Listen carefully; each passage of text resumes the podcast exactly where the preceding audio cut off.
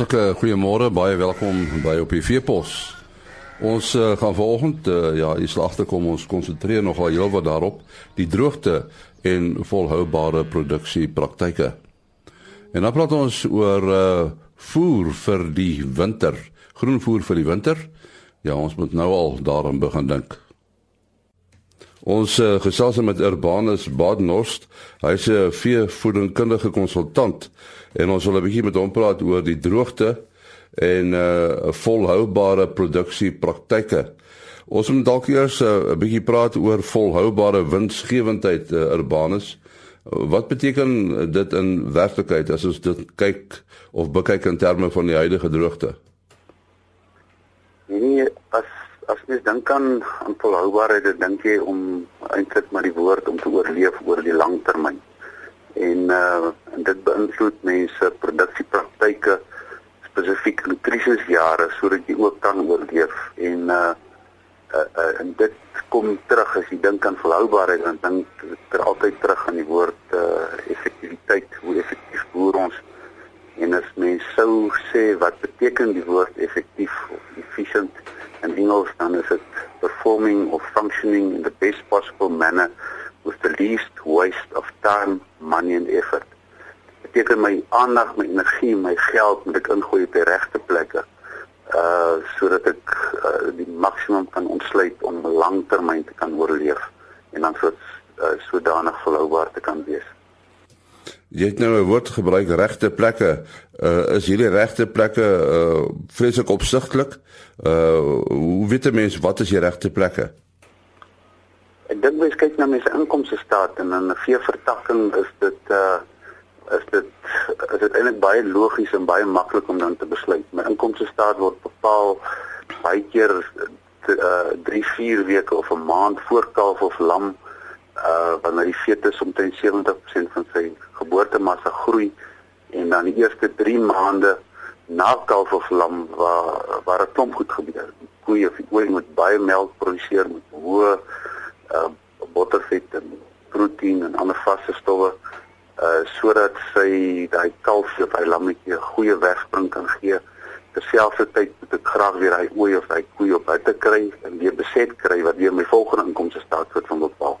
So dis eintlik baie logies om te om te weet wat is die regte plek vir my voeding van die veld of van die weiding nie sodanig is in daai periode nie dan moet ek spesifieke aanvullings maak. So my opinie is is dat uh as jy geld ingooi en moet ingooi dan uh, dan belê jy in daai spesifieke periode sodat jy daar optimum bestuur want daar is die grootste kans om weer jou geld terug te kry. Ja, energie status is vir jou baie belangrik, né? Nee?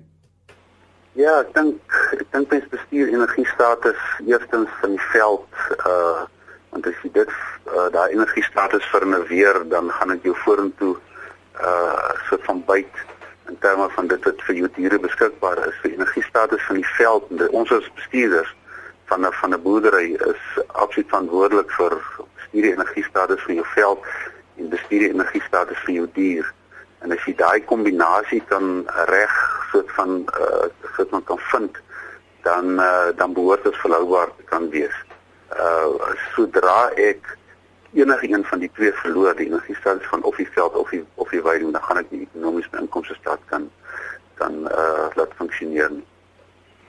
En en wanneer moet 'n mens nou uh, ontslaa raak van jou van sommige van jou diere? Nee, ek dink aan die droogte of die agtergrond van die droogte dink ek moes mense dit al gedoen het.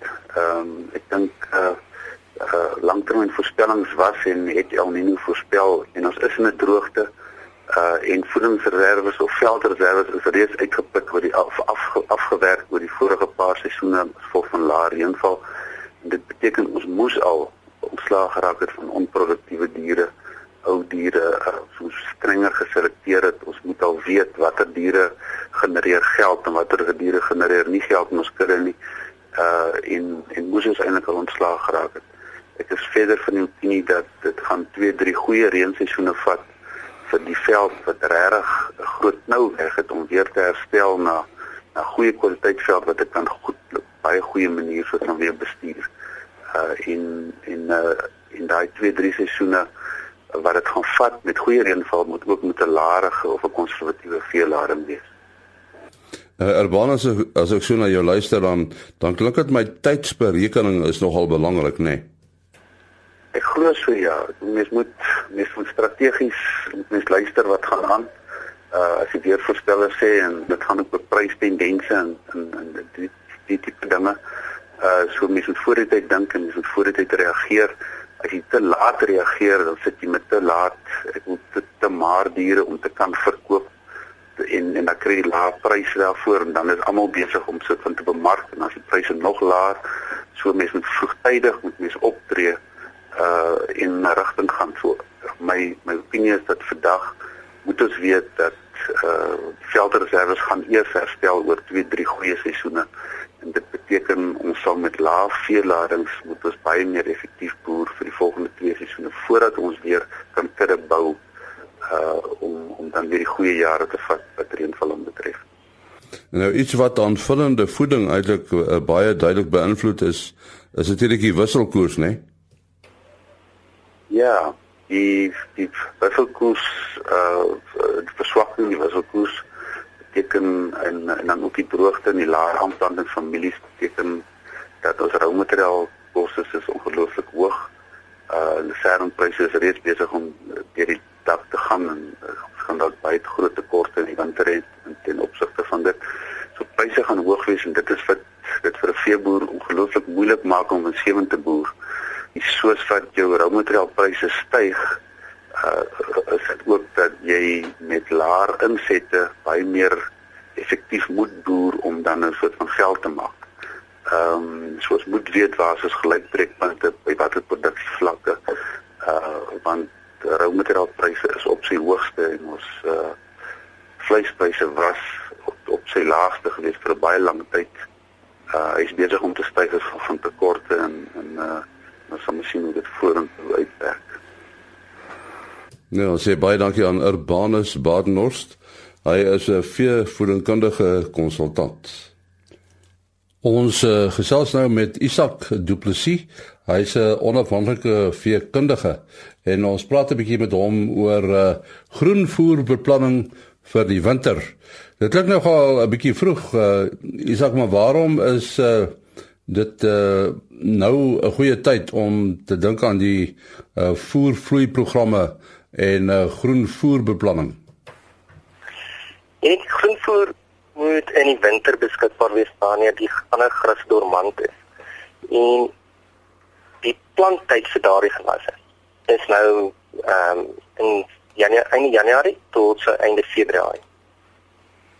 En dis hoe mense nou moet daaraan dink en aan dit werk. Ehm um, anders dan gaan jy te laat wees, dan gaan jy nie in die winter groen voer nie. En nou watter gewasse dink jy nou? Dit is hier gewoonlik 'n stukkie klein grane soos haver, koring, gas en so. Dan ook radyse wat die mense plant, Japaneese radys. Ehm um, en dan raaigras wat uh, die koue seisoen gewas is. Ja, daar is natuurlik eh, 'n uh, vraag of daar saad beskikbaar is want ek neem aan vanweer die droogte was daar 'n tamelike toestroming. Ek is nie betrokke by saadmaatskappye so nie, maar ek neem aan daar is as nie dadelik het nie dan dan behoort dat te wees. Voer is gewoonlik so 'n groot probleem soos grane om saad in die hande te kry. Is daar faktore wat 'n mens in ag moet neem as 'n mens by groenvoerbeplanning kom?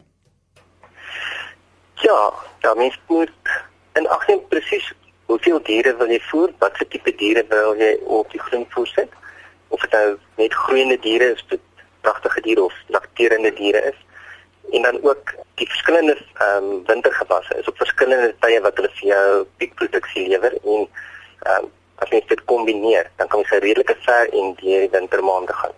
As 'n mens nou met groenvoer werk, eh, kry mens nogal vermorsing. Hoe moet dit bestuur word om dit te voorkom? As 'n mens eh, ehm um, 'n hoë druk weidingstelsel volg wat jy 'n bietjie meer diere opsit en hulle roteer deur die weiding. En dan kry jy so ten minste so 75-80% benutting van jou droommateriaal. En wat is die alternatief vir vir groenvoer as dit produksielek? Ja, jy kan 'n produksielek gee, maar dit het ook sy ehm um, nadele en voordele wat 'n mens moet in Ja, 81 Wat moet moet ou uh, sê oor koste doeltreffendheid van voergewas of produksierek? Ja, en dan natuurlik die beskikbaarheid van jou droommateriaal, van jou refoer en komponent. Ehm um, dit help nie jy nie refoer nie, nie wil 'n produksie laat gee nie. Jy moet refoer hê. So as as jy refoer van jou aangeplante weidingafkomstig is, dan is dit eintlik die beter. En uh, watter ander voergewasse kan ook vir die winter aangeplant word? Jy kan swingras is ook lang swingras is ook 'n lang groei. Hy kan as jy hom reg bestuur kan hy vir tot so 10 maande van die jaar ehm um, groen weiding verskaf. Daarvan in die warm maande hier so so Desember, Januarie se koers en die koue koue maande Junie, Julie is sy produksie bietjie laer. En mens moet ook seker goed vasstel waar jy uh waar jy jou plaas het wat hierdie voergewasse betref, nê? Nee want alles werk nie ewe goed op al die plekke nie. Nee, nee, elke elke gewas het sy ehm um, klimaatsvereistes en sy grondsvereistes waaraan jy moet voldoen en natuurlik sy waterbehoeftes ook. So jy moet 'n sekere hoeveelheid water kry, jy moet kan besproei. Nou, ons sê baie dankie aan uh, Isak Du Plessis, hy's 'n onafhanklike veekundige van Kroonstad. Dit was dan uh, op die veepos vir vandag donderdag Môreoggend om kwart voor 5 is ons terug. Tot dan, mooi loop.